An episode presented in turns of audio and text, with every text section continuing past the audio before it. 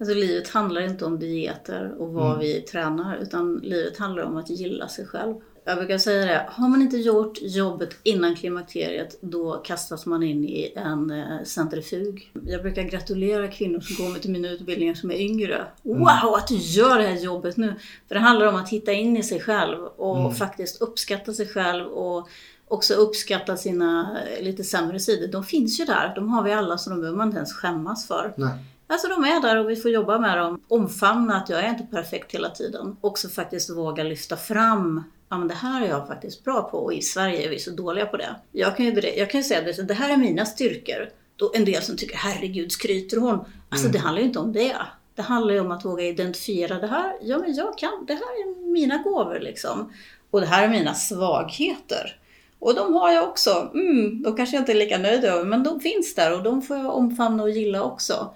Och så landa i ett sorts, en, både en acceptans av vem man är och en glädje i den, den man är för att kunna leva som den man är. Och det är ett jobb vi behöver göra. Och helst när vi är yngre. Men det gör de flesta inte. Eh, Så att när vi kommer mot klimakteriet och vi inte har gjort det jobbet, då blir det tufft. För att eh, med, med sjunkande östrogen så sjunker självkänslan. Det är väldigt kopplat till självkänsla. Okej. Har man inte stärkt sig själv och landat i sig själv innan, då blir det så jobbigt i klimakteriet. För att då tappar vi, vi kommer, vet inte vilka vi är, vi gillar inte oss själva. Det blir liksom tungt lass att dra och svårt att orientera i. Och det är där vi måste börja. Vi måste landa i oss själva och gilla oss själva. Och det tycker jag att eh, den här yogan gör för att vi får en lustfylld känsla i kroppen. I veckans avsnitt av podden gästas vi av Ellen Engvall som är utbildad barnmorska och medi-yogaterapeut och hon har också grundat Harmony Yoga. Hon har utbildat fler än tusen yogalärare inom medyoga, hormonyoga och gravidyoga och det överhängande temat som ni hör är just kvinnohälsa. Och i detta avsnittet så pratar vi just om hur vi kan hjälpa fler kvinnor att må och känna sig bättre i sina kroppar med hjälp av hennes metoder med både hormonyoga och andra saker. Detta och mycket mer spännande hör vi från Ellen i det här avsnittet. Innan vi drar igång med veckans avsnitt så vill jag bara påminna om vårt samarbete med pureness.se. Använd koden PLC-podden med 2D när du checkar ut i deras online-kassa så får du 20% på hela deras sortiment. Alltså använd koden PLC-podden med 2D för att få 20% rabatt på hela Pureness sortiment. Nu kör vi igång med avsnittet. Hej och välkommen till PLC-podden, podden som förändrar Sveriges syn på hälsa med mig Robin Hallsten. Idag befinner jag mig i eh, ett kök i eh, Nacka, hemma hos Ellen Engvall.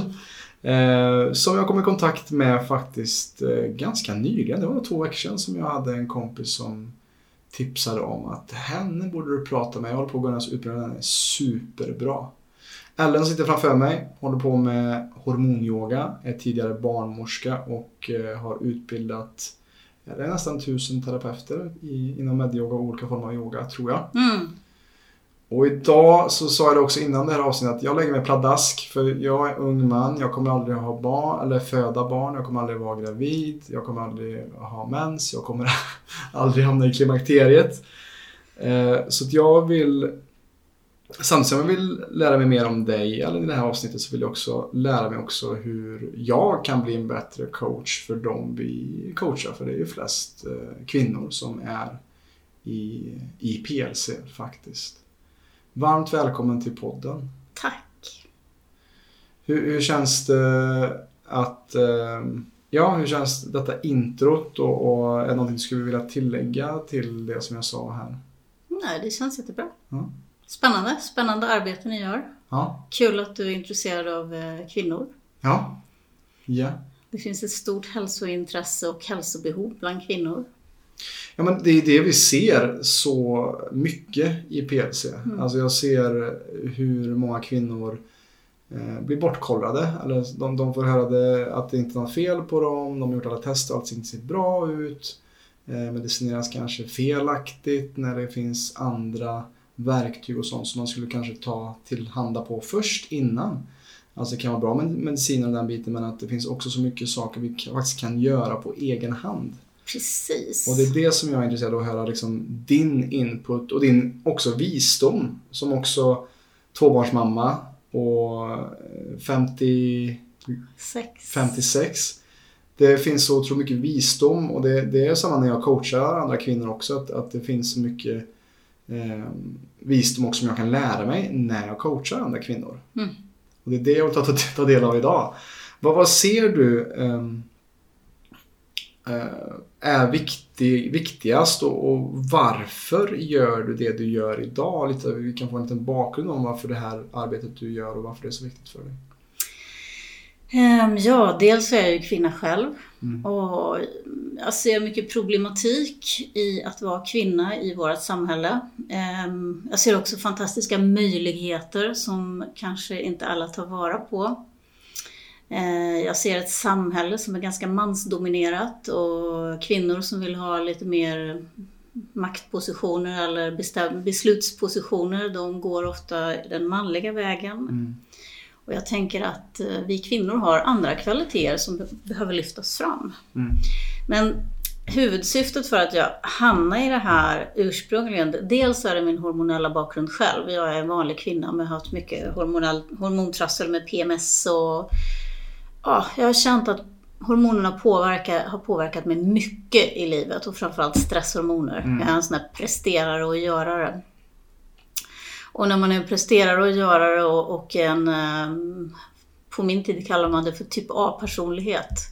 Då får man mycket ehm, stresshormoner och det stör övriga hormoner. Mm. Så där började jag. Men också det här att jag som ganska ung så tittade på kvinnor och såg att kvinnor i 50-årsåldern försvann. Och samhället tittade mest på de yngre kvinnorna. Och när, när kvinnan kom i klimakteriet då skulle hon klä på sig eh, lite tråkiga kläder och kliva av scenen och lämna plats för de yngre och snygga. Mm.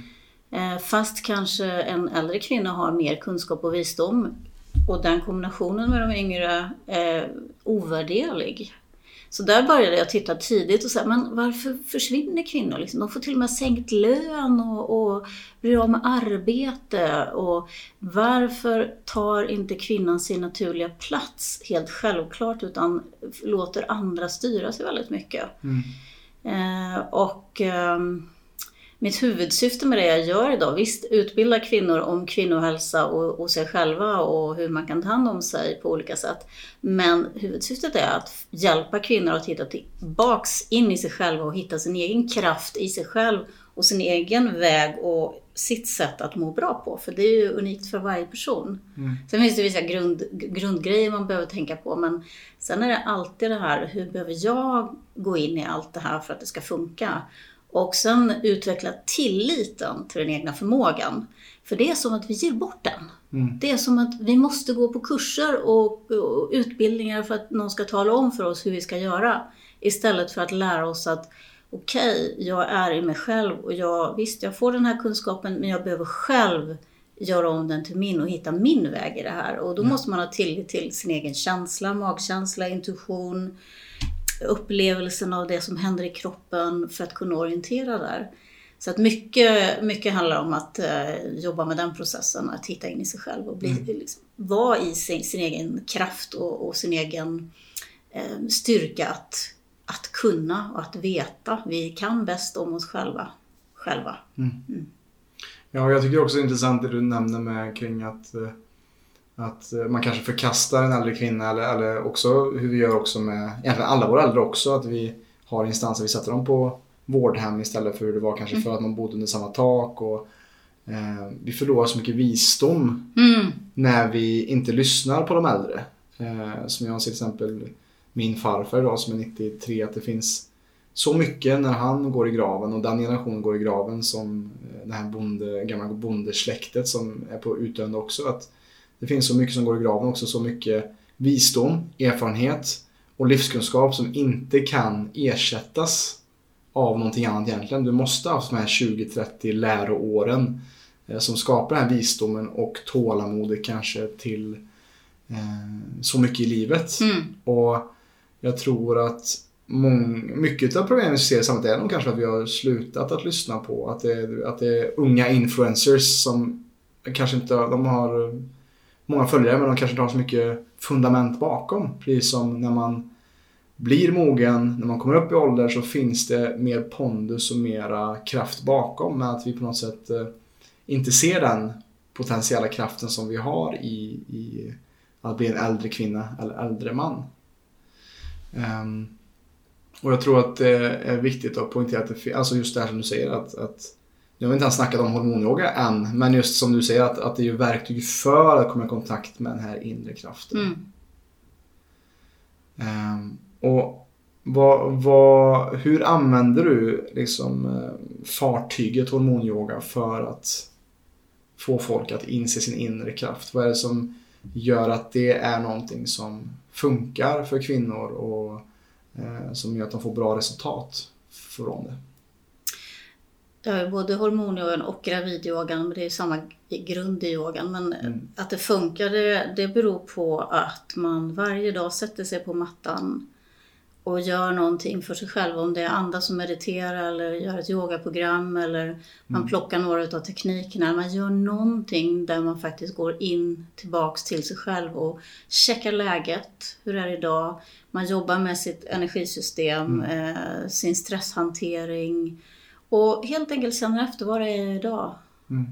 Och eh, jag ser det när jag håller utbildningarna, eh, mitt, min, mitt stora jobb som yogalärare, eller som, att jag utbildar andra i det här, det är ju att jag driver dem i det här med yoga. Ja, men gör din läxa nu, sätt dig på mattan. Ja, det är motstånd och det är tråkigt och det är samma program i tre veckor i rad. Och suck och hur ska jag hinna och hur ska jag få in det här i livet och det går inte. Och då säger jag, ja men det går, det finns alltid en väg, sätt dig ändå, titta på dina motstånd, ställ dig utanför dig själv Eh, betrakta dig själv, för de här motstånden du möter mm. med dig själv, det handlar om livet. Och de kommer du hitta överallt i ditt, i ditt liv, vilka val du gör. Om du väljer att inte gå in i någonting som du egentligen vill för att du kanske tror att du inte kan eller inte har tillräckligt mycket kunskap eller mod eller eh, de här motstånden visas på olika sätt hela tiden mm. och det möter du på yogamattan. När du i början faktiskt tvingas in att göra mm. en, ha, ha en yogapraktik och möta dig själv. Och när du går igenom de här olika motstånden så släpper de ju. Det kommer upp känslor, det kommer upp minnen, det kommer upp rädslor. Och till slut lyckas man faktiskt att kliva utanför sig själv och betrakta sig själv i det här. Jag brukar prata om det här, man har en kropp och sen har man ett sinne som håller på och irrar med massa tankar och sen har man den här betraktaren som ser allt det här. Mm. Och när man kommer i kontakt med sin betraktare och kan titta på sig själv, det är då det börjar hända massa spännande saker. Och det är då man börjar förstå vad det är som styr en i, i livet. Ja. Så att det handlar väldigt mycket om att, mm. att våga möta sig själv, våga landa i sig själv. Och sen är det naturligtvis, yoga är fantastisk på att ta bort stress, sänka allt, eh, allting som mm, blir spänningar och sånt. Och det är ju grunden för att vi överhuvudtaget ska få kontakt med kroppen. Det är att vi låter stress och spänningar rinna av oss. För det är då det här som ligger under kommer fram. Mm. Mm. Just det, då, ja, då kommer det upp till ytan. Och, och där ser jag så viktigt att, att om vi inte möter motståndet medvetet så kommer det att manifestera sig på ett undermedvetet plan istället. Mm. Alltså har vi inte en praktik för att, eh, lite som att vi borstar tänderna eller som jag brukar börja se mer och mer, träning eller att lyfta vikter som jag kanske inte alltid tyckt var så kul, ser jag mer och mer nu som att det är som att borsta tänderna. Mm. Alltså det är någonting som håller mig frisk, det är någonting som håller mig stark, håller mig eh, mentalt stark också. Mm. Eh, just att det finns något också, eh, ja, men liknelse i att, att kunna lägga sig under vikter medvetet gör att jag också kan bära mer i livet på något sätt också. Eh, och det här att jag inte har tid eller jag har inte pengar eller jag har inte ditten datten till min hälsa. Det är bara, men för de personer som säger så så är det bara en tidsfråga innan hälsan kommer eh, kapsejsa kanske mm. och man inte har längre eh, möjligheterna att ens göra någonting annat än att fokusera på det. Mm. Och därför, som du säger, är det så viktigt att trots att det finns ett motstånd så är det också där, alltså i motståndet som diamanterna skapas också ju. Alltså det är där eh, vi måste också eh, undersöka vad är det här för sorts motstånd? Är det ett motstånd med ett stort nej som kroppen säger eller bara ah, nej men jag vill kolla på Netflix istället. Mm. Eller jag vill scrolla på Instagram istället. För att tid tror jag att alla idag har. Och har vi inte det så får man ju fundera på varför har jag inte tid att sätta mig en kvart Precis. med exakt. mig själv. Ja. Och jag tycker att det är kul när man kommer till det här att man kan kliva ur sig själv och bara titta på sig själv. Ah, vad intressant! Jag ska göra eh, en kvarts andning nu Mm. och så vill jag inte det. Mm. Intressant, vad beror det på? Att man kan se det lite med humor. Mm. Vad händer nu om jag sätter mig och gör det här eller lägger mig och gör det här i alla fall? Mm, mm. Vad är det som händer? Vad, vad vill det där motståndet säga mig? Och att man, man kan ta det med lite så här Mm. ett, ett leende och ah, men kom igen nu, gör det här i alla fall och se. Utforska dig själv lite grann. Ja. Med ett leende så att det inte blir så tungt. Mm. Det behöver inte vara tungt. Vi är ganska humoristiska om vi tittar på oss själva egentligen. Ja, alltså det, Hur vi håller på. ja, exakt. Vi håller på fram och tillbaka. Och Mm.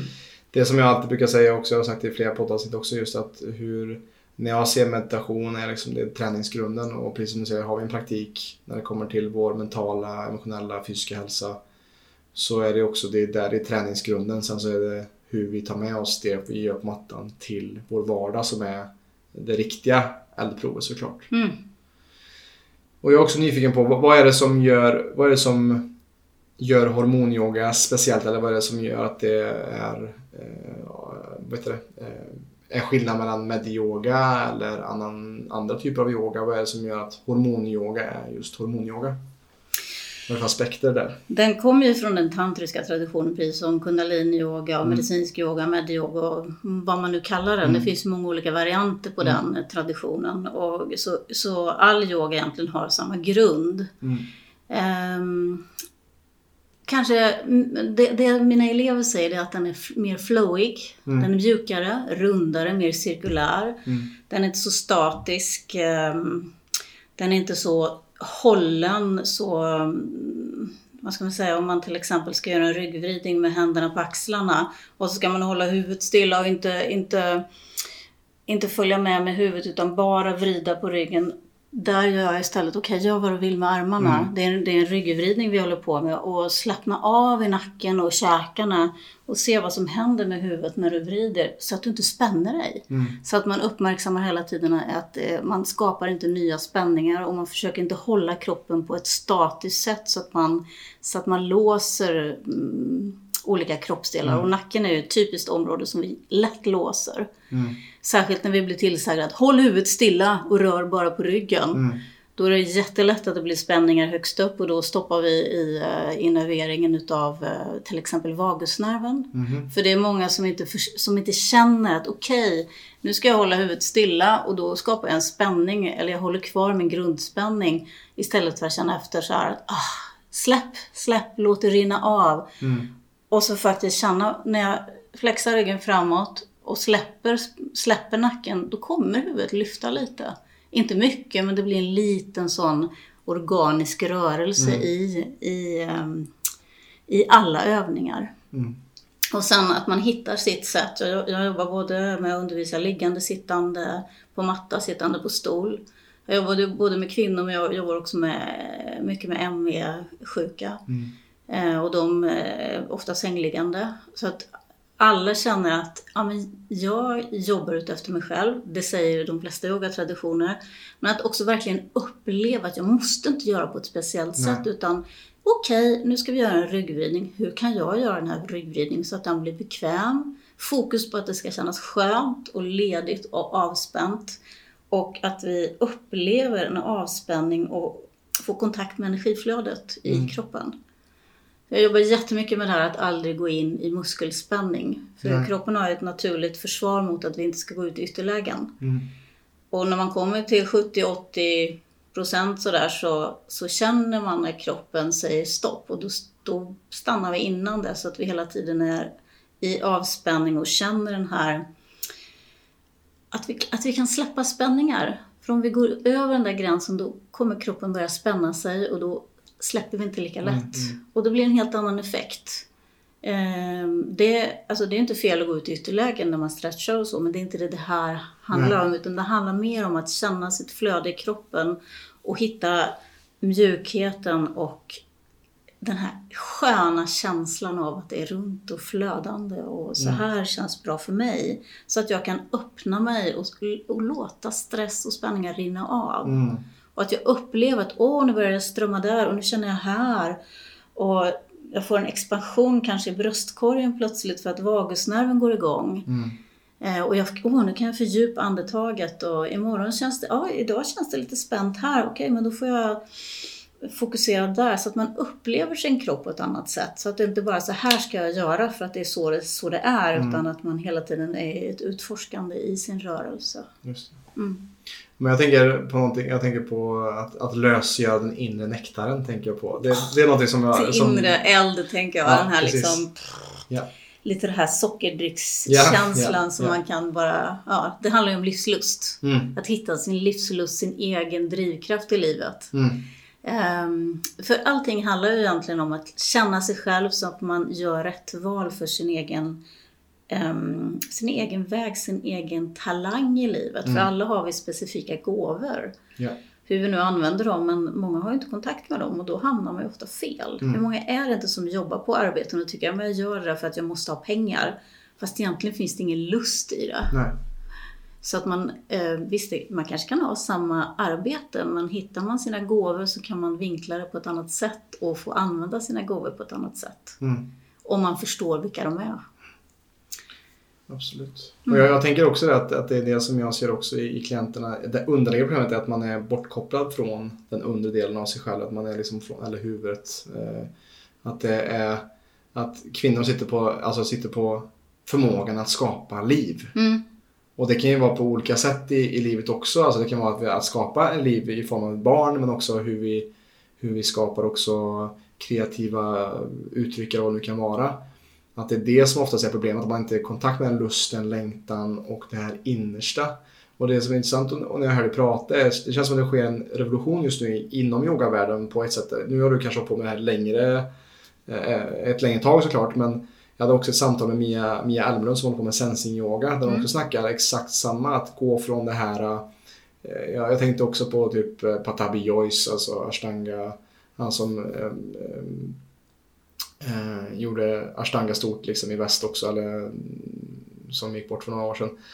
Men just, jag tänker på en Youtube-video jag ser när han står och andas in, andas ut och man ser folk göra mekaniskt. Du vet, det ska vara Mekaniskt. linjerat, Mhm. det ska vara väldigt maskulint. Och så ser nu hur kvinnor nu tar tillbaka lite sin makt kring yogan och som Mia också säger, att jobba i fraktaler och spiraler. Att, att Ja, det är det här runda flowet det runda flowet och Ja. det är också en, ett skifte från det maskulina som jag säger, ashtanga är mer en maskulin form av yoga ska jag säga. Egentligen alla fysiska former är Ja. mer maskulina. Och- till det mer skifte till mer det feminina Mhm. eh, som jag ser. Och av kvinnor för kvinnor tänker jag.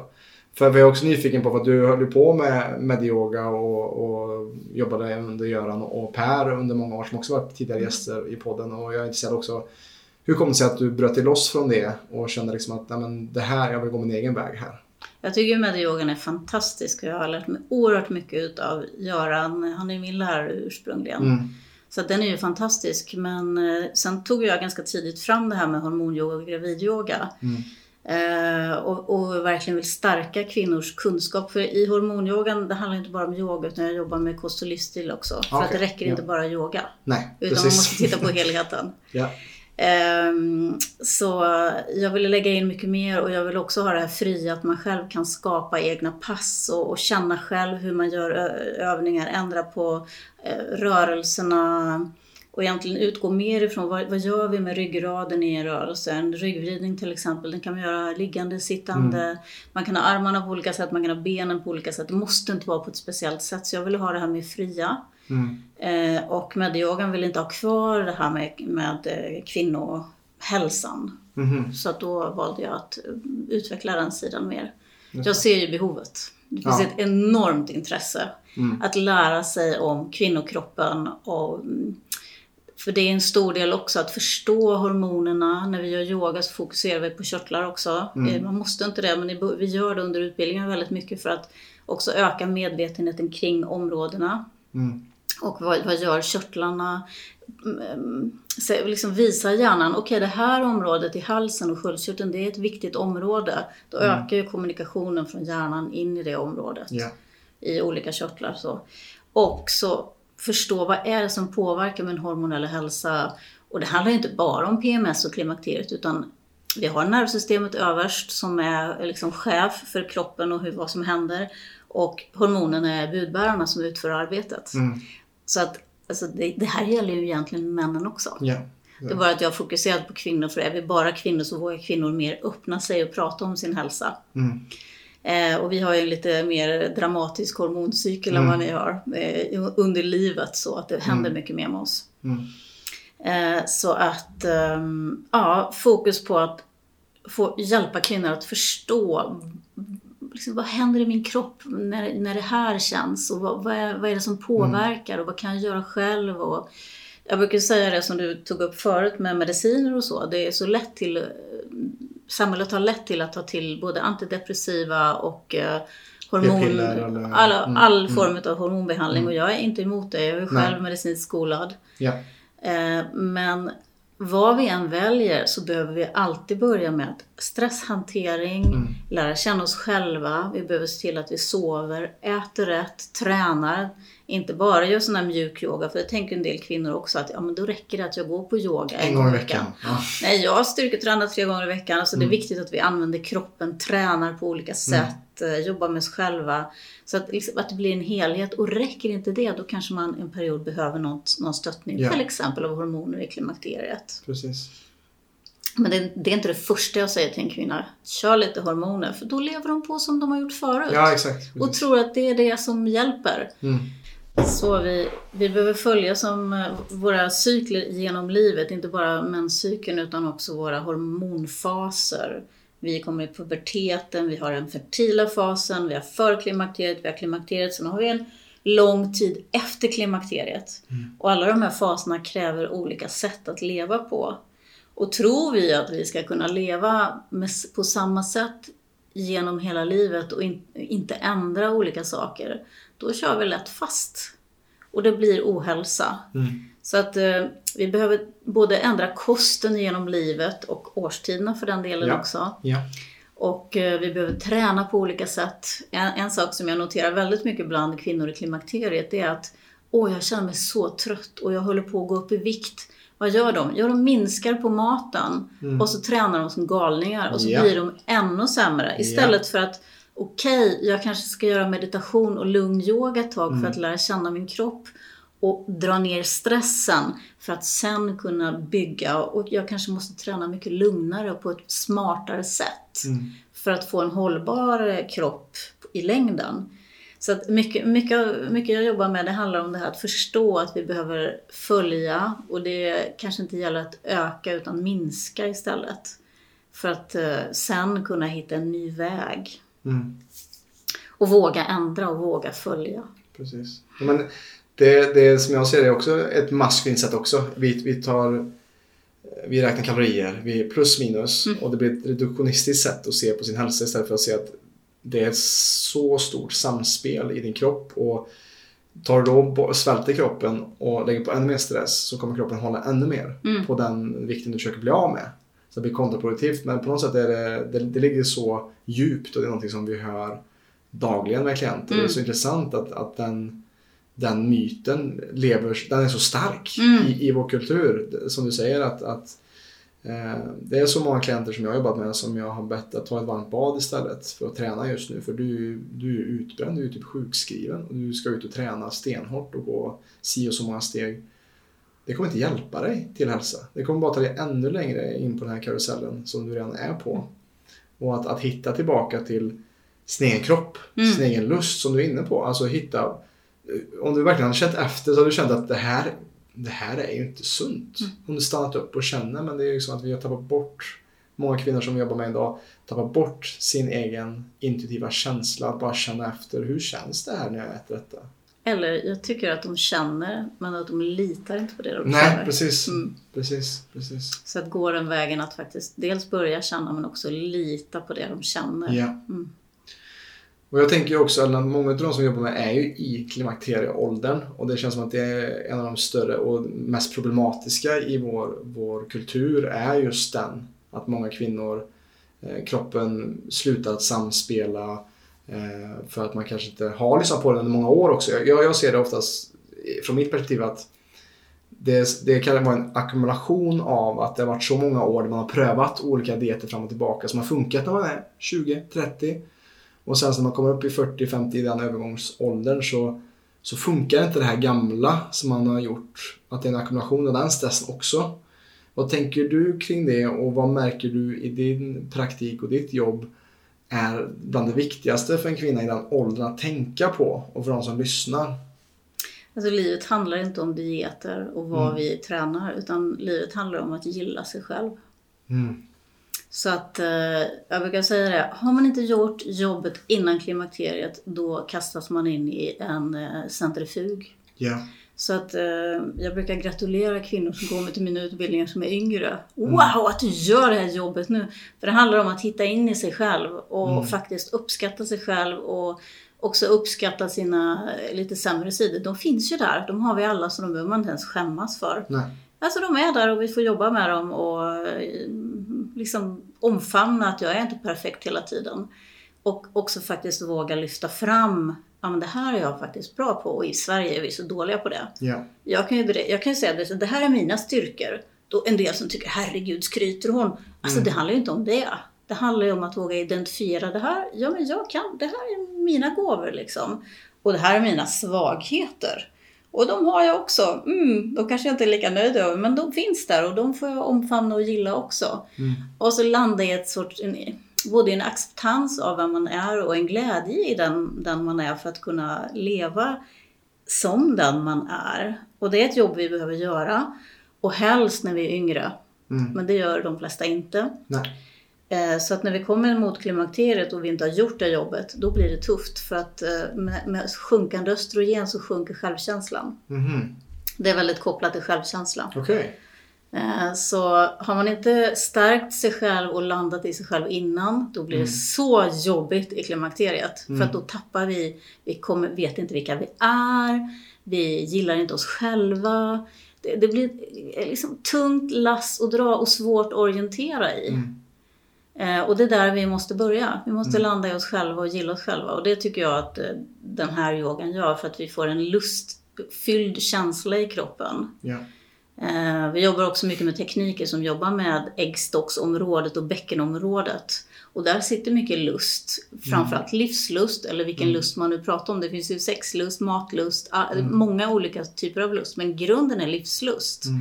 Och den säger många, ja men jag har hittat tillbaks till min lust. Och det är ju grunden för att vi ska vilja någonting i livet. Ja. Att, att det är intressant överhuvudtaget att leva så vi inte bara är maskiner som mm. går så. Så grunden i livet är att hitta sig själv i glädje och det som man känner att det här, här jag är här för att göra det här. Mm. Och det behöver inte vara stora saker alltså det handlar inte om det utan det handlar om att man hittar det man känner inspiration och lust av. Mm. Och sen maten, visst det är jätteviktigt att äta rätt. Men det är farligare att inte tycka om sig själv än att äta fel mat. Ja, det gillar jag. Ja, exakt, mm. exakt. Så viktigt.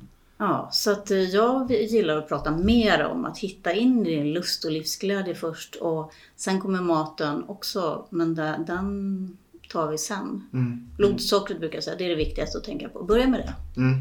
För att då, då har du börjat att gå åt rätt håll. Och sen finns det massor man kan göra kring kosten. Just det. Men man ska absolut inte sluta äta. Nej, det ska man inte göra. Jag börjar äta vanlig mat, både frukost, lunch och middag. Det är jättemycket mat. Tre lagade mat, målmat om dagen. Det var då jag började tappa de här klimakteriekilona. Mm. Inte att jag drog ner på maten, tvärtom. Nej, precis. precis.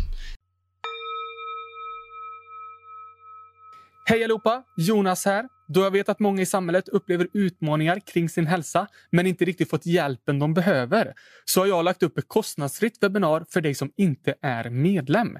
I detta webbinar kommer jag prata om vanliga grundorsaker bakom konstant trötthet, låg energi, sömnsvårigheter, magbesvär och värk. Och du kommer även få mer info om hur vi på PLC jobbar för att åtgärda detta. Du hittar mer info om webbinariet i beskrivningen till detta avsnittet. Men med det sagt så tackar jag för mig Tillbaka till dig Robin. Men det är det som jag säger också med eh, att kvinnor också är rädda för fett. Mm. För, för de goda fetterna som liksom, det är också där byggstenarna finns också till hormonerna. Fett och protein. Fett och protein. Mm. Och det är som vi säger också, eh, vår coach Victor, eh, 30 gram protein till frukost. Liksom. Alltså att äta proteinrikt så att vi får igång blodsockret och får en jämn kurva vilket minskar vårt sötsug på kvällen. Oftast är det så att man, man svälter sig, ät lite till frukost och så kanske um, macka eller, eller yoghurt eller någonting som inte är det bästa liksom för oss. Eh, som också gör oss hungriga fort. Och sen så har vi inte fått i oss nog med fett och protein. Vilket gör att har vi hållit igen på hela dagarna så är vi vrålhungriga på kvällen och då man kanske gör det här snedsteget och, och tänker att det är fel på mig, jag har dålig självdisciplin. När det bara är egentligen det är fel på dem, det, det, det bränslet du har gett din kropp. Mm. Och så går man ofta och småäter då när man inte har fått rätt saker i yes. början. Ja. Ja, precis. Verkligen. Men jag tycker det är så tyckte det var intressant liksom med att, att, att bli kastad i centrifugen om man inte gjort sin hemläxa lite grann kring eh, mm. eh, övergångsåldern där. Och på tal om livslust och livsglädje så är jag också intresserad Ellen, vad är det som din egna resa när du gick den? Vad var det som du vaknade upp till att du behövde lägga in mer i ditt liv för att få mer livslust och komma i kontakt med livsglädjen. Vad var det för verktyg eller saker som du behövde jobba på och jobba in eh, för din egen del? Det började ganska tidigt faktiskt. Jag har en ganska problematisk uppväxt. Eh, eller inte, inte problematisk men trassel i familj mm. och sådär. Eh, vi behöver inte ta den historien nu men det gjorde att jag ganska tidigt började ha mycket existentiella frågor. Mm. Men jag tror inte bara det handlar om det utan jag tror att också vi har olika läggning. Mm. Vissa människor föds med mer sådana tankar och andra har mer, liksom, vi är olika helt enkelt. Och jag är född med mycket sån existentialism i mig. Så att mm. Eh, tidigt i livet så kände jag så här, gud vad meningslöst livet är. Mm. Är det inte roligare än så här? Liksom, vad, vad gör jag här? Och ja, det är så ytligt allting och, och det är fester och det är det där. Och, och, men hur kul är det egentligen? Det måste finnas något mer. Så jag har hela mitt liv gått i och ur olika sådana här meditation. Jag började meditera med sådana TM-meditation redan i 20-årsåldern. Mm. Jag har hållit på med buddhistiska meditationer. Jag har tränat qigong, olika yogaformer. Jag har alltid sökt, vad är det egentligen? Och, alltså jag kan inte leva det här livet utan att känna någon livslust. För jag hade inte mycket livslust utan mer jag tyckte att, ah, jäklar vad trist det är egentligen. Mm. Eh, så där började mitt sökande. Och det var egentligen först när jag började hitta in i yogan som jag hittade min livslust och dans. Mm. Där hittade jag min livslust också. Jag har dansat otroligt mycket argentinsk tango och nu sista året en del lindy hop. Mm. Som är mer klackarna i taket. Tangon är mer den här passionerade mm, interna mm, dansen mm. mellan två individer. Lindy Hop är liksom tjo! Och de är fantastiska båda, båda två. Eh, så där hittade jag mycket in i eh, det är väldigt meditativt för mig att dansa och där hittade jag in i eh, den här livsenergin på något sätt. Mm. Men också har jag hittat min lust i att um, guida andra in i att hitta sin lust. Där är lite, lite grann min, min gåva i livet är att jobba med att guida människor in i sig själva. Hitta sig själva. Ja. Um, så det är det jag känner. Liksom. Då blir jag så lycklig när jag ser att det är någon som har hittat hem. Och det handlar inte om att de ska göra som jag gör. De ska hitta sitt sätt. Yes. Jag kan ge dem lite verktyg men sen vill jag att de hittar sitt sätt. Inte att det är jag har bestämt att det ska vara så här utan mm. Testa de här teknikerna, gör dem till dina, hitta ditt sätt att göra dem på. Och så plötsligt så börjar de veckla ut sig och, och känna sig nöjda och öppna sig. Och, och jag blir så lycklig av att se det. Mm.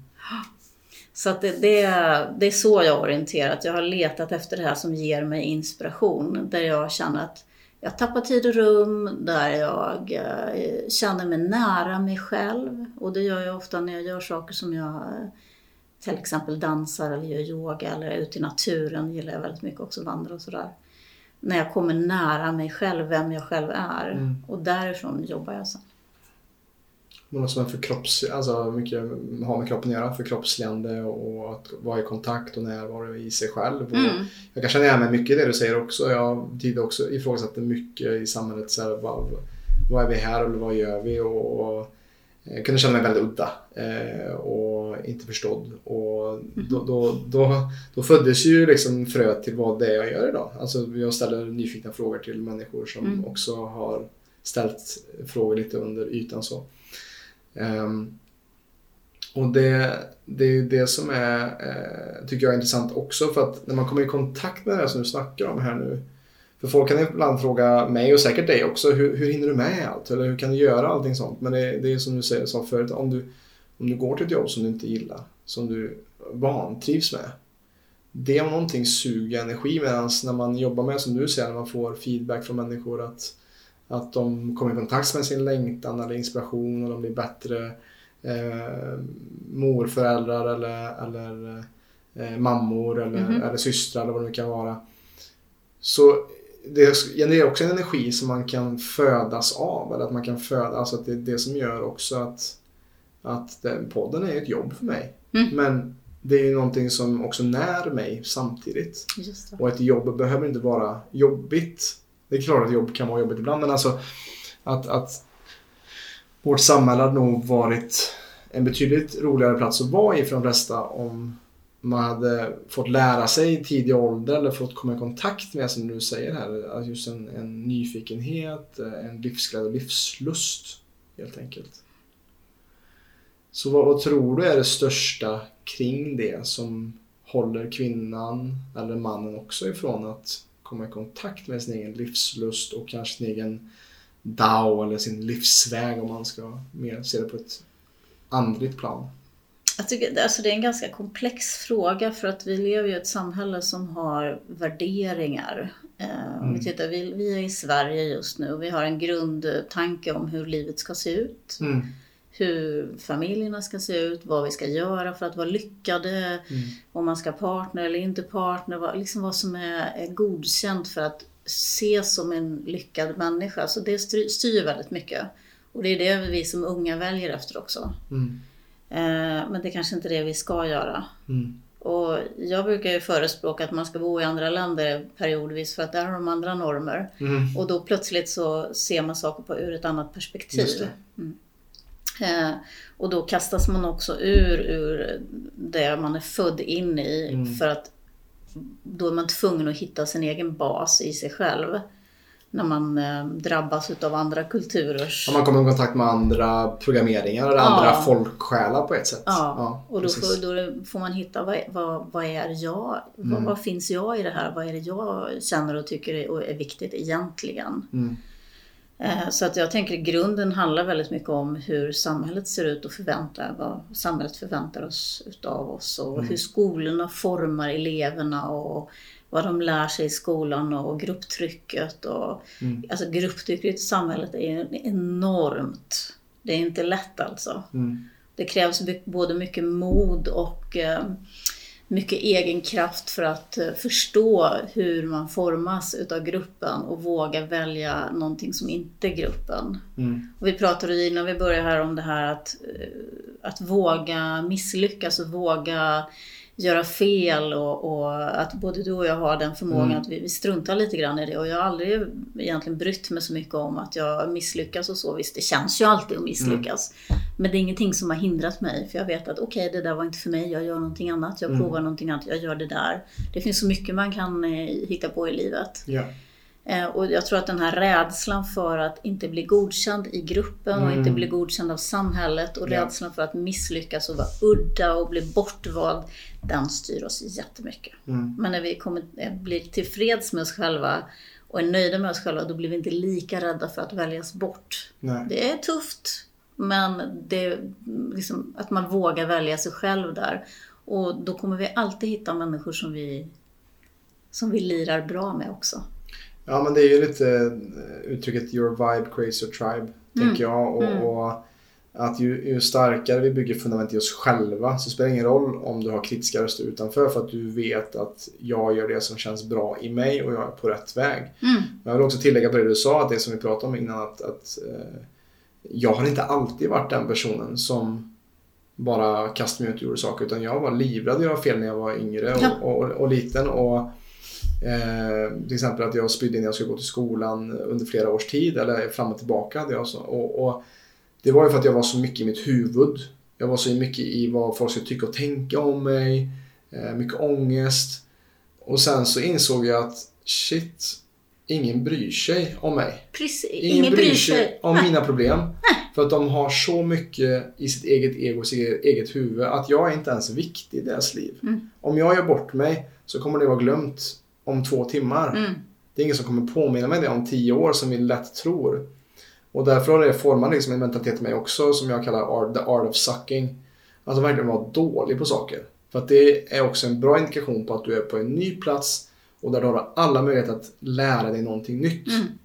Att tillåta sig själv vara väldigt dålig på saker. Och, Och skratta åt sig själv. Ja, och vara nybörjare. Ja, och vara nybörjare. Och att precis. tycker att det är kul att oh shit vad jag är dålig. Och ständigt vara en elev av livet. Ja. På något sätt. Att ständigt hitta nya lärare. För att jag, jag skulle aldrig vilja kliva upp på liksom, kunskapets berg igen och, och sen bara vara kvar där. Utan Nej. då vill jag kolla på vad, vad kan jag mer lära mig? Eller hur kan jag brygga den här kunskapen med den här kunskapen?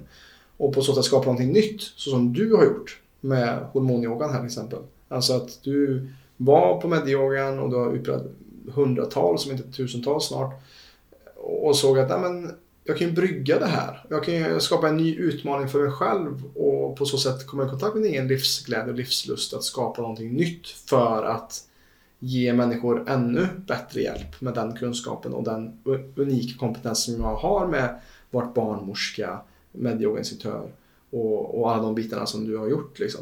Ehm, så att det är också viktigt. Jag tänkte att vi skulle komma in på detta men det är alltså viktigt att, att gå sin egen väg och att, att våga göra bort sig, våga göra fel och våga sticka ut. För att det är också så som jag, en devis som jag lever efter mycket är att om, om de flesta gör det, särskilt i dagens samhälle, så är det oftast fel. Det, det har jag i alla fall märkt att när jag gör saker som är lite galet eller som folk bara oj hur gör du det här? Går runt barfota eller vad det kan vara. Så märker jag att jag mår ju väldigt bra av det. Men det finns en dogma, eller som du säger, det finns en, någonting i kanske den svenska folksjälen eller vart man nu än är, att det här är inte okej. Mm. Men som kanske är okej i en annan kultur. Och viktigt att ifrågasätta vad är faktiskt sant utav det som vi blir matade av och programmerade av från tidigt barnsben. Mm. Viktiga saker att titta på. Mm. Vad är det som kommer utifrån och vad är det som kommer inifrån mig själv? Ja, För det, precis. det mesta kommer utifrån. Ja, Först föräldrarna, sen skolan, sen samhället. ja Mm. precis, precis. Och på tal om samhället, Helen, så jag är ju nyfiken också på du som har jobbat inom vården och jag tänker att du också samarbetar med vården säkert på många olika sätt, men liksom att du har för ME-patienter och sånt eh, pass. Du har ju stor och bred erfarenhet här på många plan. Vad ser du i dagens vårdsystem eh, med din erfarenhet skulle kunna bli bättre och utvecklas? Åh, det är också en jättesvår fråga. Alltså, jag kommer som sagt jag är från vården. Eh, Först jobbade jag som sjuksköterska med eh, cancervård för kvinnor och sen var det hjärtintensivvård, eh, mycket kvinnohälsa i det, men all typ av hjärtvård där den flesta, mesta forskningen görs på män. Mm. Men eh, jag hade förmånen att jobba med Karin Schenk Gustafsson en del. Mm. Hon gjorde ju forskning på kvinnor och hjärtan. Varför är inte det också intressant? Jag har också hört något att, att man gjort mer forskning på män för att det är lättare för att det, har- det är mindre komplext med variablerna de har för hormonerna. hormonerna. Ja, Ja, precis, det är Ja. så. Ja, precis. precis. Och sen så valde jag att lämna det här döden som jag brukar säga. Det Mm. var så många som dog i, när jag var yngre så att Mm. eh, då blev jag barnmorska. Mm. Ehm, alltså vården behövs ju. Mm. Men det saknas helhetstänk. Ja. Det saknas tid. Det saknas, saknas kunskap om eh, vad till exempel tarmen har för funktion. Mm. Kosten.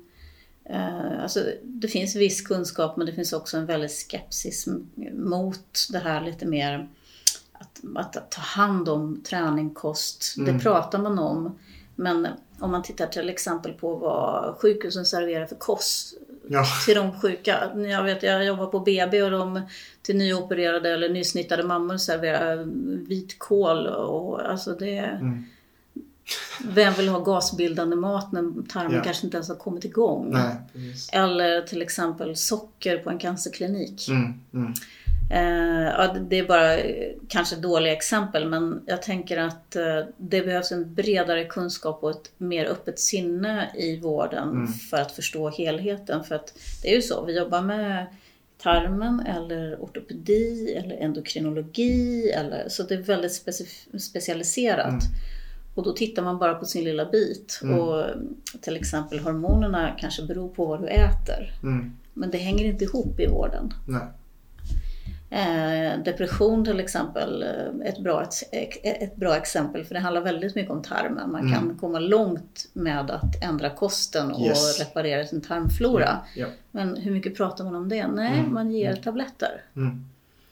Eh, och i de bästa av världar även terapi, men det är inte ens säkert det. För Nej. mycket sjukvård inom den genren handlar ju om tabletter. Mm. Ehm, sen finns det en del som har öppnat upp och gör det här jättebra och så finns det de som inte alls är på det stället. Så det är också väldigt stor skillnad beroende Mm. på var man bor och vad, vilka vårdgivare man har. Ja. Och vilka läkare man eh, har, förmånen att träffa då, eller oturen att träffa kan man också Mm, säga. mm, mm.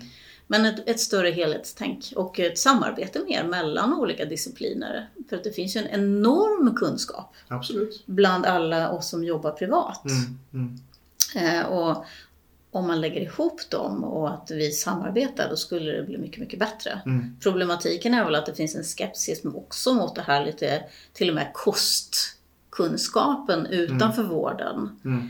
Ehm, och det finns ju också allting som inom alternativmedicinen kanske inte är bra. Det finns också många som jobbar som kanske inte ska göra det. Och, Mm. och det, det, blir, det är ett väldigt stort problem att se vilket ska vi använda, vilket ska vi inte använda, vilket är bra, vilket är dåligt. För det finns kanske inte forskning som räcker Mm. och det kanske är svårt att forska på vissa saker. Då får man gå på erfarenhet. Och man säger inom vården erfarenhet, beprövad erfarenhet och forskning. Men den här beprövade erfarenheten räknas aldrig lika högt. Nej. Alltså, så, alltså det är en jättekomplex situation. Mm. Men helhetstänk kan jag, kan jag väl eh, summera det hela med. Ja, men det, vad jag ser skulle behöva säga liksom en, en brygga där, liksom, där man pratar med varandra kanske. De här, som, de här privata aktörerna som, som vi på PLC och du också Mm. är.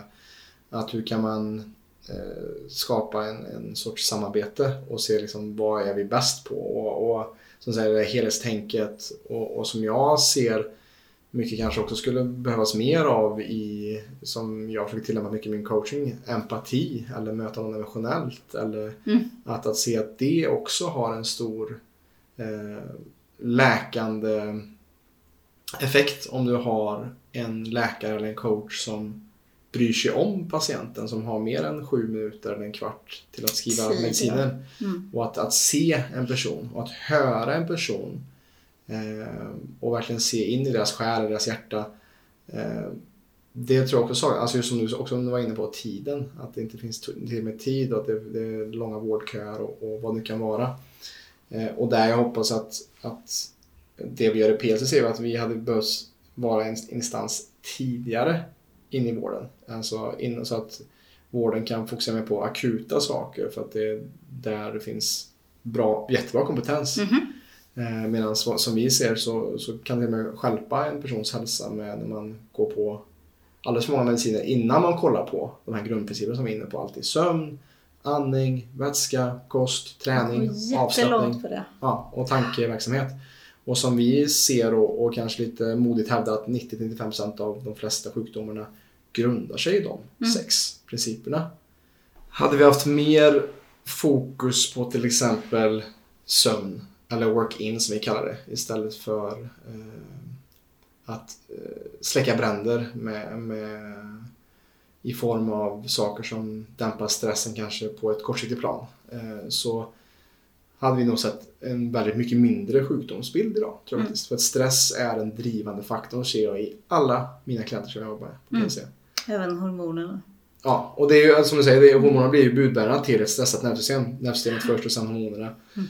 Vilket gör att ja, den hormonella hälsan är ju så otroligt viktig och som du säger med eh, tarmhälsan och, eh, och stressen är ju, går ju hand i hand. Mm. Stressen är det man behöver börja med. Mm, precis. Men tillbaka till det här med vården. Jag tror att också ett, ett, ett problem är att det ska met- metodiseras allting. Mm, Allting ska vara en metod och det ska göras likadant och det Mm. ska liksom skapas mallar och former för allting. Mm. Eh, och vi är individer som är unika. ja, Och därför kan vi inte ge alla samma kostråd. Vi kan inte ge alla samma träningsråd. Vi kan inte ge alla samma mediciner. nej. Det går inte. Mm. För att vi är unika individer. Och där behöver vi utveckla den här förmågan att se människan och börja i ett utforskande.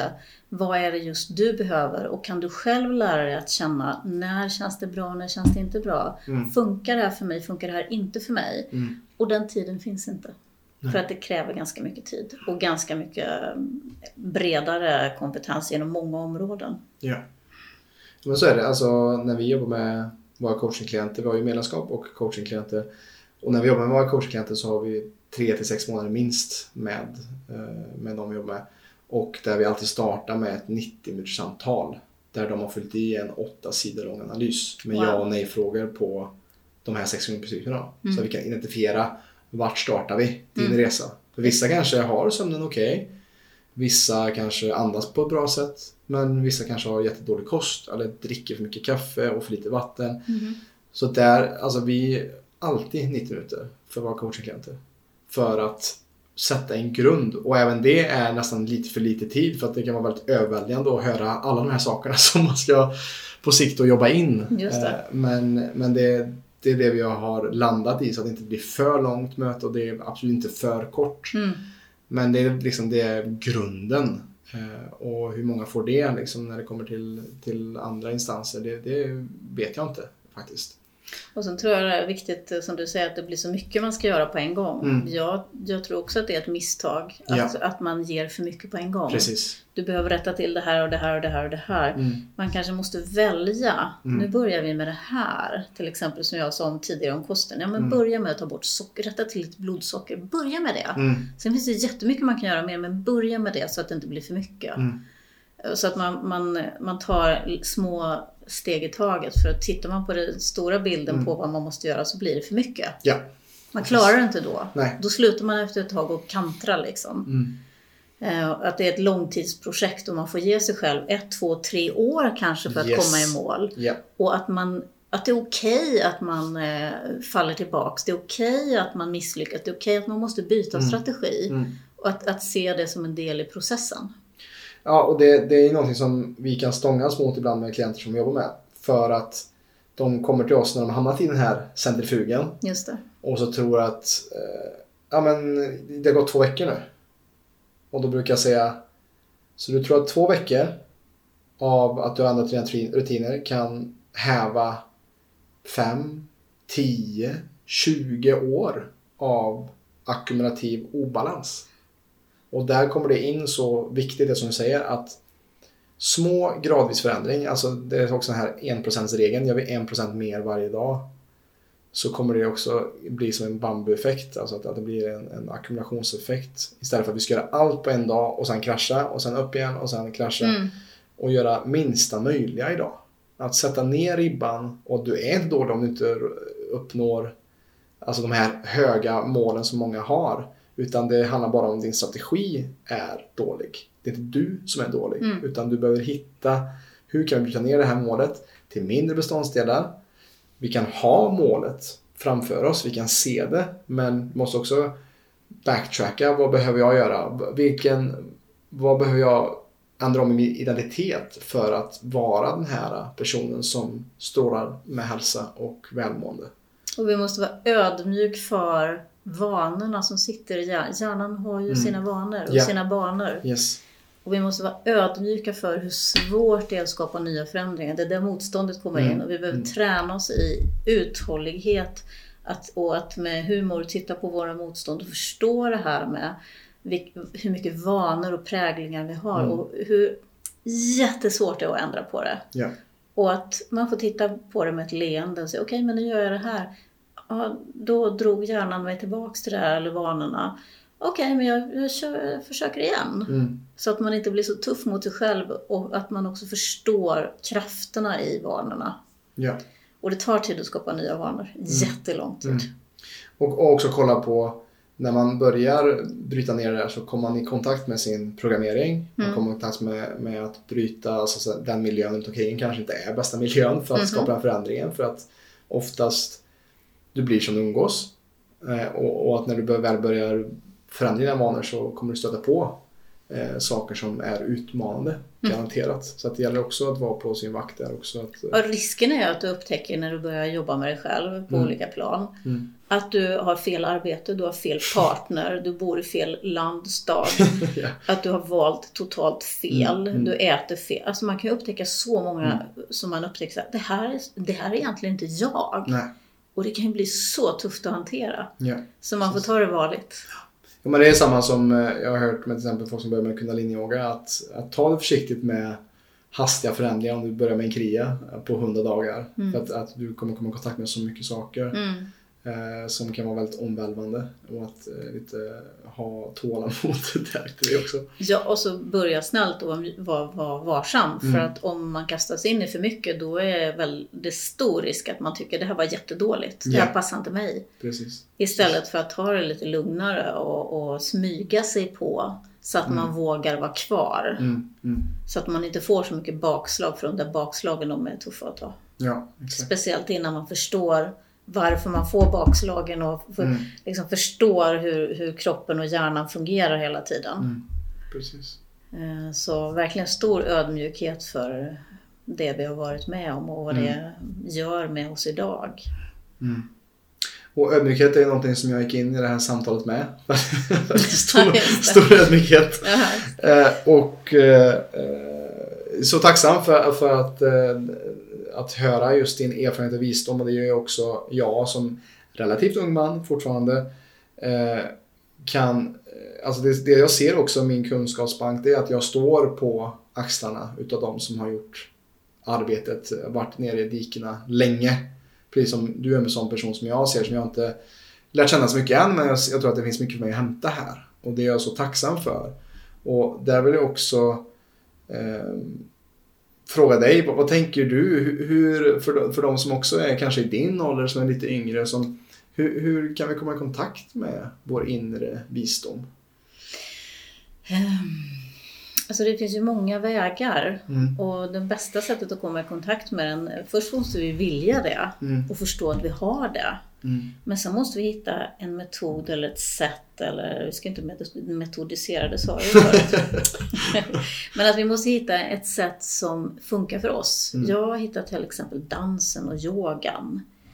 Eh, dansen är nästan ännu viktigare för mig för att hitta in i mig själv. Men alltså, det finns ju så många sätt att hitta in i sig själv. Och det finns ingenting som är bättre än det andra. Det viktigaste är att man känner att här kommer jag nära mig själv. Mm. Eh, och- där måste man nästan börja. För även om jag tycker att yoga är ett fantastiskt verktyg för alla. Ja men gillar du inte yoga, då ska du inte göra det. Nej. Du, du kanske behöver göra något annat. Ja.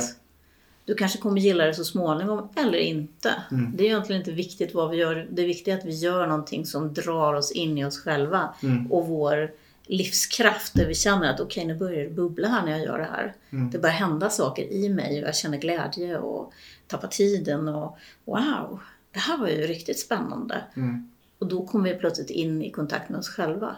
Mm. Så att jag tänker alltid, börja med det som är lustfyllt, för börjar man med det tunga så lägger man ner. Ja.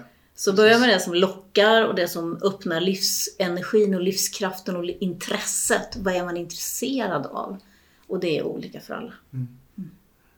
Och det kanske måla tavlor eller Mm. plantera. Hitta något sätt att få ett kreativt uttryck av det Ja. som finns på insidan, Mm. tänker jag. Och så sti- mycket stillhet. Det Man måste ju stilla sig också. Mm. Man kan inte bara hålla på. Så det handlar ju om att stanna upp. Och man Ja. stannar upp genom att sätta sig på en sten i skogen eller på en yogamatta eller Mm. eh, bara sitta stilla på en stol. Alltså det spelar ingen roll, men stanna upp Ja. så att man hinner reflektera och känna sig själv också. Yes. Ja, jag tänker att det är en, ett bra ställe att runda av på Mm. idag också. Att komma i kontakt med sin inre visdom, Ellen. Eh, Men innan vi avslutar, för de som lyssnat här idag som är mer intresserade på att läsa mer om dig eller kanske pröva hormonyoga. Vart hittar man dig? Eh, ja, den heter ju hormony yoga. För hormonyoga är ett sånt där allmänt ord som vem som helst kan använda. Men hormony yoga mergade hormon och harmony, så det blir Mhm. hormony Mhm. yoga. Men eh, man kan söka på Ellen Engvall också. Ja, ja. Då hittar man mig. Mm. Mm. Finns både på Youtube, lite gratispass. Eh, Jag har min hemsida hormonyoga.org eller ellenengvall.se funkar också. ja. Ehm, ja, det är väl där man hittar mig. Mm. Finns i Stockholm, håller li- enklast i månaden här i Nacka. Mm. Lymfyoga börjar nu på lördag, det är kul. Ja, kul. Lymfan jobbar vi mycket med. Ja, jobbar, jobbar du, för jag intervjuade Kristina Karlsson och Yvonne Lamkamp. Har du kommit kontakt med dem? Jag känner igen namnen. Mm. Ja, men de är också i Stockholm fall. Ja, de har varit med också på den tidigare. Ja, okej. Ah, ja, skitsam. jag kommer i alla fall länka allting i beskrivningen av det här avsnittet eh, till dig som lyssnar så att det blir enkelt för dig att hitta till Ellen och hennes resurser och kanske pröva på ett pass själv för att du själv ska kunna självreglera. Ja, det finns gratis på min hemsida. Eh, Ja. Det ligger ett hormonyogapass och ett gravidyogapass och sen har jag online-träning. Fanns det någon yoga nidra också va? Eller någon, eller någon sömn... eh, Ja, det finns en, en meditation. Meditation ja. Ja, det. precis. Ja, det. Men sen finns det um, online-träning där det finns massa pass och Ja. grejer som man kan titta på. Mm. Grymt. Mm. Och jag tackar alla som har lyssnat idag och har det varit intressant eller inspirerat dig så för all del dela med dig av det här avsnittet så att vi med stadig rasttakt kan förändra Sveriges syn på hälsa. Tack för att jag fick komma till dig idag. Tack för att jag fick vara med, det var superkul. Stort tack för att du har lyssnat på detta avsnittet av PLC-podden. Om du som lyssnare är intresserad av att få bättre balans på din kropp och hälsa så kan du gå in på www.plclub.se. Där kan du göra en gratis hälsoundersökning och läsa mer om hur vi hjälper människor på ett holistiskt sätt att skapa mer energi, få igång förbränningen och minska värk. Alltså www.plclub.se. Vi finns även på Instagram, Youtube, Spotify och Facebook at Premium Lifestyle Club om du vill ta del av mer gratis material. Stort tack för din tid här med oss.